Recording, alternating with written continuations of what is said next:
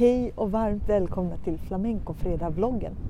Idag är vi också ute på språng. Vi ska nämligen träffa gitarristen Patrik Bonnet i coronatider här i Vintervikens trädgårdscafé. Det är för en gångs skull väldigt, väldigt fint väder. Det är nu som det har varit sådär riktigt ruskigt i några, eh, någon vecka och vi prickade in solen. Jag har inga solglasögon med mig heller.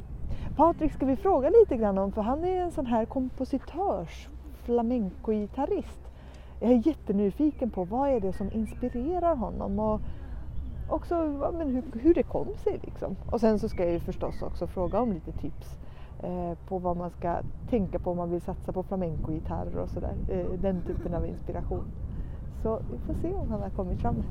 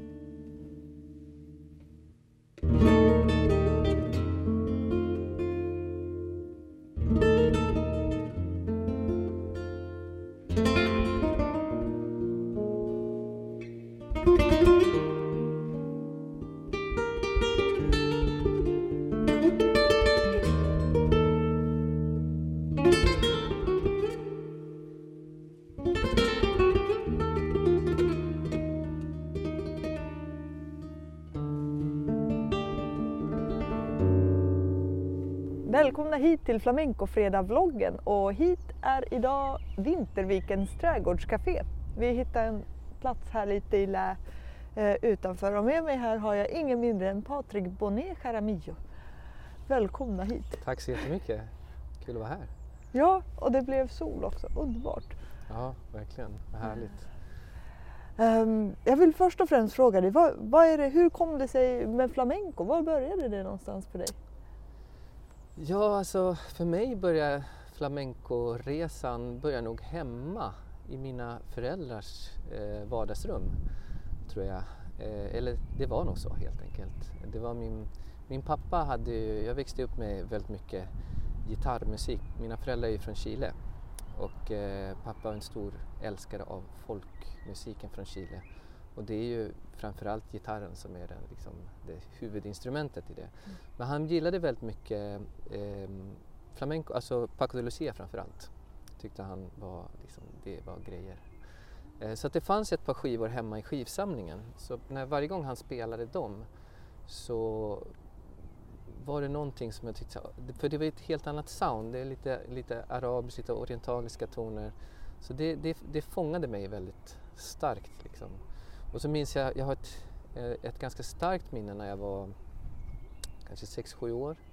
Eh, och då kommer min eh, farbror från Chile.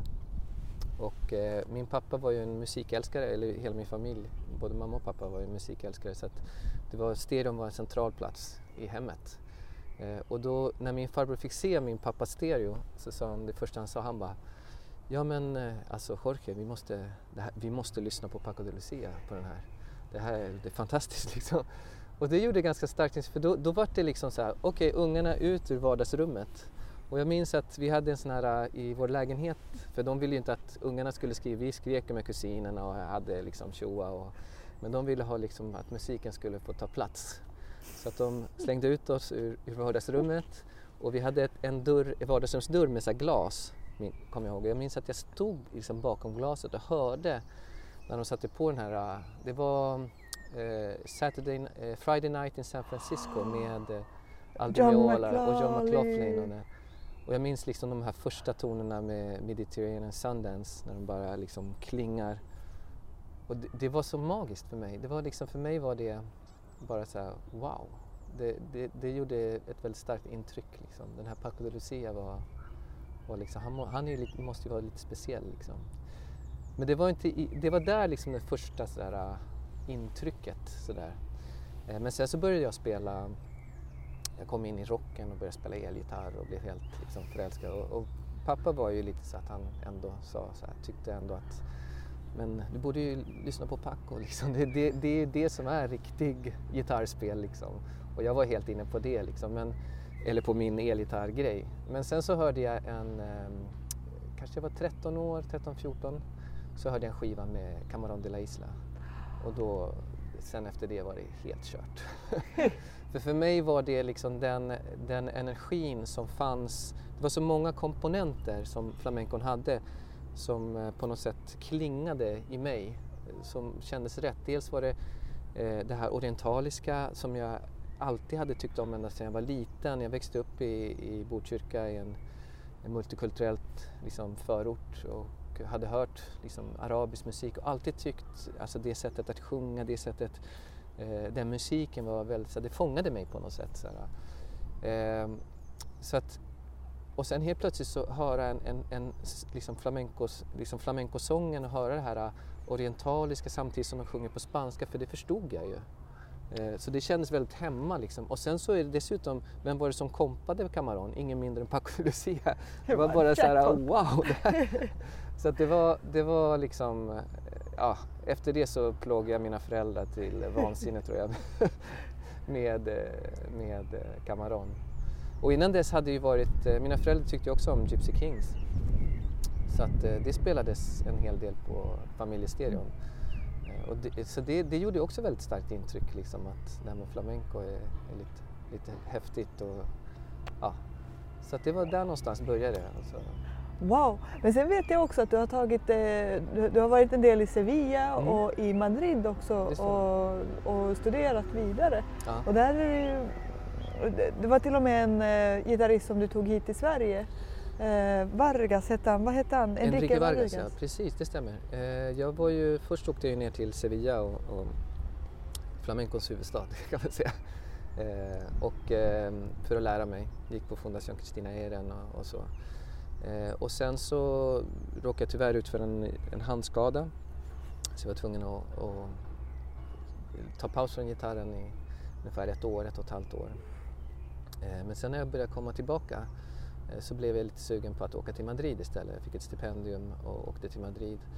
Eh, och då fick jag, minns jag att när jag hade varit i Sevilla så hade jag fått en, eh, ett tips av en av mina, alltså han gitarrbyggaren som har gjort min gitarr. Mm. Han sa, jo men den här herren borde du titta, kolla in. För han är, han är dessutom vänsterhänt precis som du.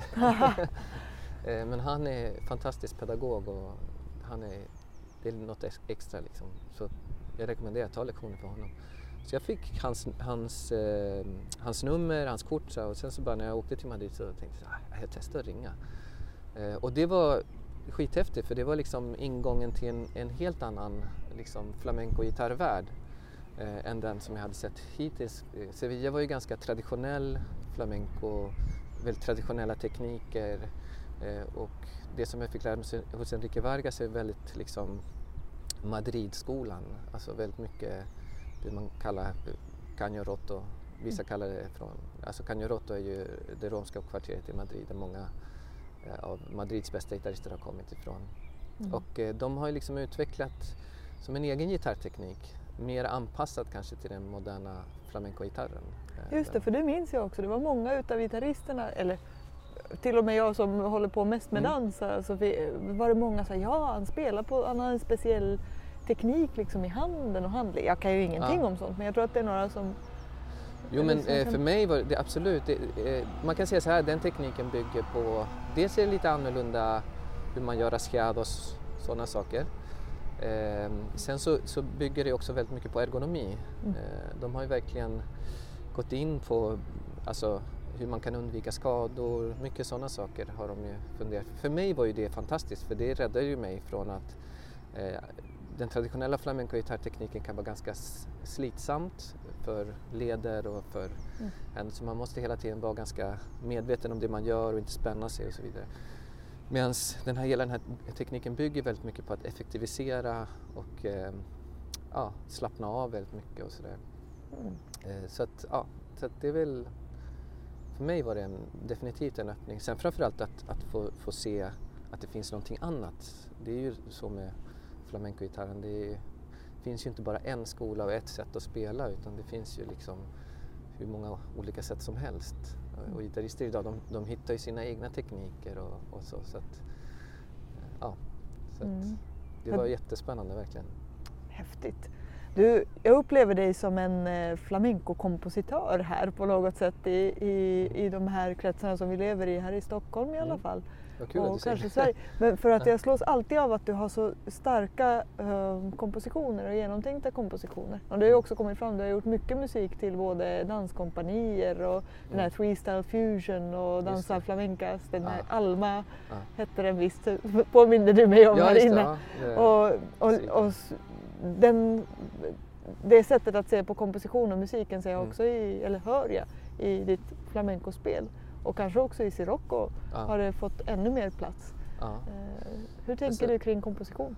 Ja, alltså för mig, det är ju, komposition är ju alltid något väldigt personligt för det är ju någonstans där man som, som musiker och konstnär uttrycker det man har i sig. Liksom. Ehm, och för mig så, så, så har alltid melodin varit eh, på något sätt grunden i en komposition. Eh, att hit, försöka hela tiden hitta starka melodier. Och det behöver inte vara en melodi som är eh, rik på toner eller så, men det måste vara ändå en, en klar och, och talande melodi. Så det, det, det är väl det som alltid när jag skriver, så det är därifrån jag startar. Utifrån någon, någon slags melodi, någonting som säger mig någonting, som tar mig någonstans och, och ser vad jag kan liksom hitta. Eh, tar mig till en plats, och vad kan jag hitta där? Vad kan jag få ut därifrån? Eh, och det är ju som, det, det tror jag som alla som, som skriver musik. Ibland kan den resan vara jättesnabb. Det har hänt att jag skrivit liksom haft ångest i två veckor för ett kompositionuppdrag och sen så skriver jag allting på tre dagar och så är all musik klar. Eh, och ibland så kan det, alltså så att då är processen väldigt fort när det väl, när det väl kommer. Men ibland kan den processen också vara väldigt långsam. Liksom.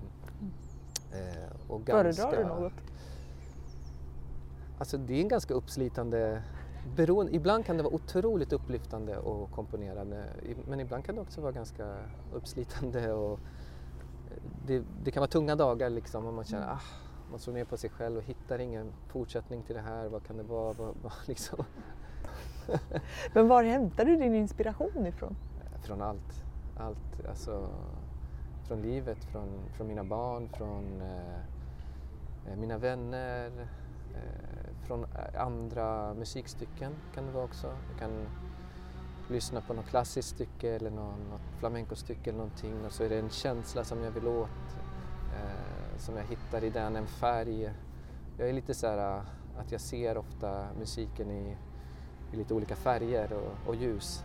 Så att det kan vara ett ljus som jag tycker, åh den här, eh, det här stycket har det här ljuset och det vill jag försöka fånga på något sätt. Liksom. Eh, Men eh, jag tror att det är, det är svårt att säga exakt, det, det bara finns där. Det, ibland är det som att det är en radio som man väljer att sätta på liksom. Och sen finns det liksom, det är bara att tune in till, till den, den, det flödet av musik som hela tiden finns där. I alla fall för mig så är det att jag egentligen bara, för mig handlar det bara om att sätta på den radion och, och, och dyka in i det. Så finns det där någonstans. Eh, Och jag tror att det alltid har varit så för mig. Att det, ja. Jag fick en tittarfråga faktiskt som Mm. Eller vad man ska säga. Och det hade att göra med, du nämnde att du har din familj och dina barn. Du är ju två fa- barns far numera. Ja, Hur går det ihop med musicerande för dig? Eh, det, går, det går väldigt bra ska jag säga faktiskt. Jag var liksom jag var nog en av de där musikerna som eh, kanske tänkte så här, hur ska det funka att ha ett, ett musikerliv med, med barn? Eh, även fast jag alltid någonstans har vetat att jag vill ha barn.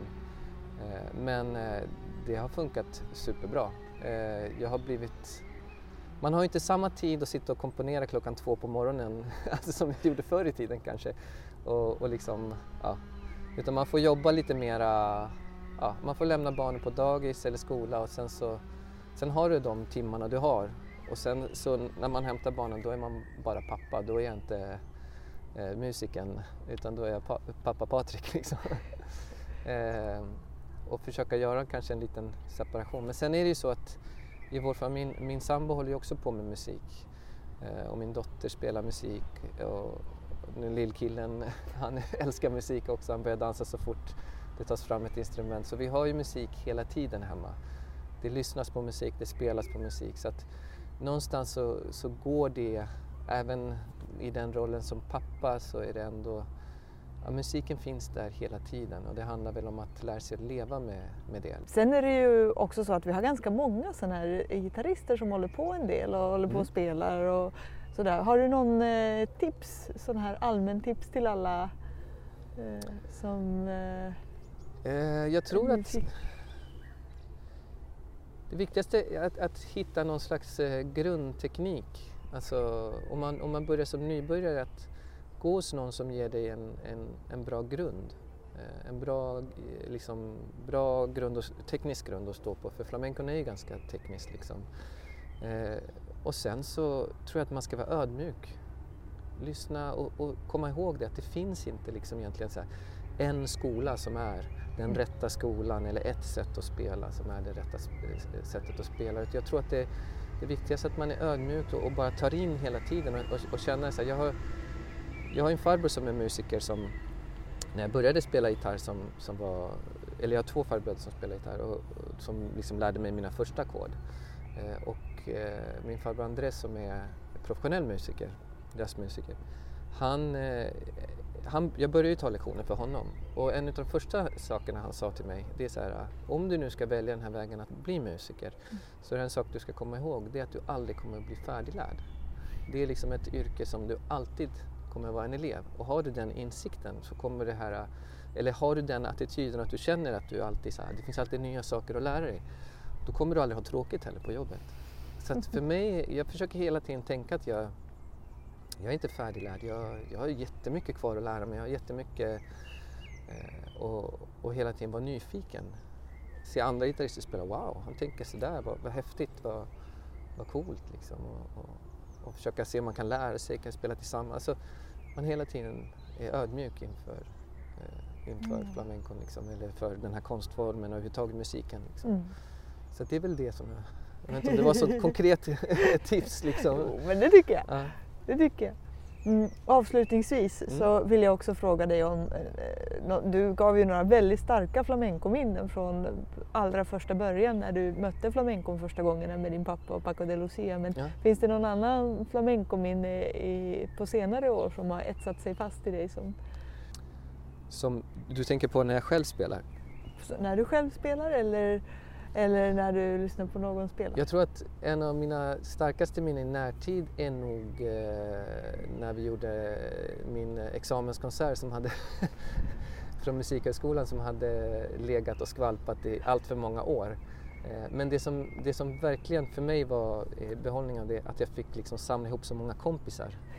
Eh, och att vi hade, vi hade dig på scenen, vi hade Ann Selstedt, vi hade min sambo var där. Alltså det, var, det var så många eh, härliga, underbara flamencovänner och musikervänner som, som jag fick dela scen med och det, det var nog det största, en av de största behållningarna på senare år som jag haft. Liksom. Eh, så det, det var väldigt kul. Så. Wow! Och det är från alltså examenskonserten som eh, det här klippet som vi såg i början kommer ifrån också. Vad kul! Tusen tack Patrik för att du har kommit hit till Vinterviken och pratat med oss. Nu har vi fått lite skugga här också. Ja. Tusen tack för att jag fick komma. Tusen tack och så kan vi vinka till dem där. Hej då! Hej då!